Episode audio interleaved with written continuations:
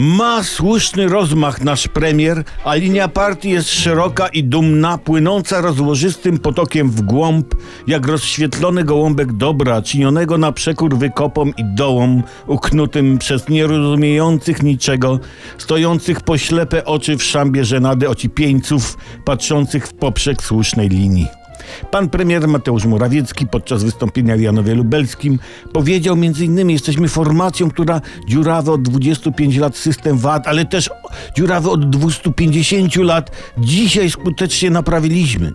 I ci z tego szamba wyśmiewają się z wypowiedzi pana premiera. A on powiedział prawdę. Tak, PiS jest formacją, tak.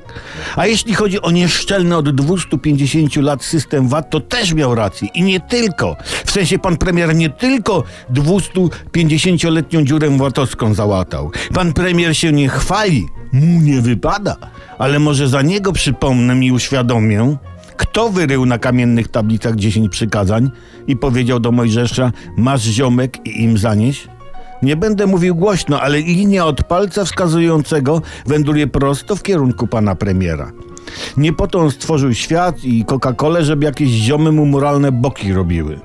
Nie będę też przypominał, kto wyrzekł znamienne słowa do pani Słowianki daj, a ci ja pobruszę, a ty pociwaj, bo chyba nie potrzeba.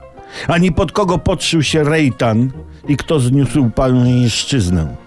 To są, kochani, oczywiste oczywistości, niepodlegające dalszym dyskusjom. Zatem dziękuję.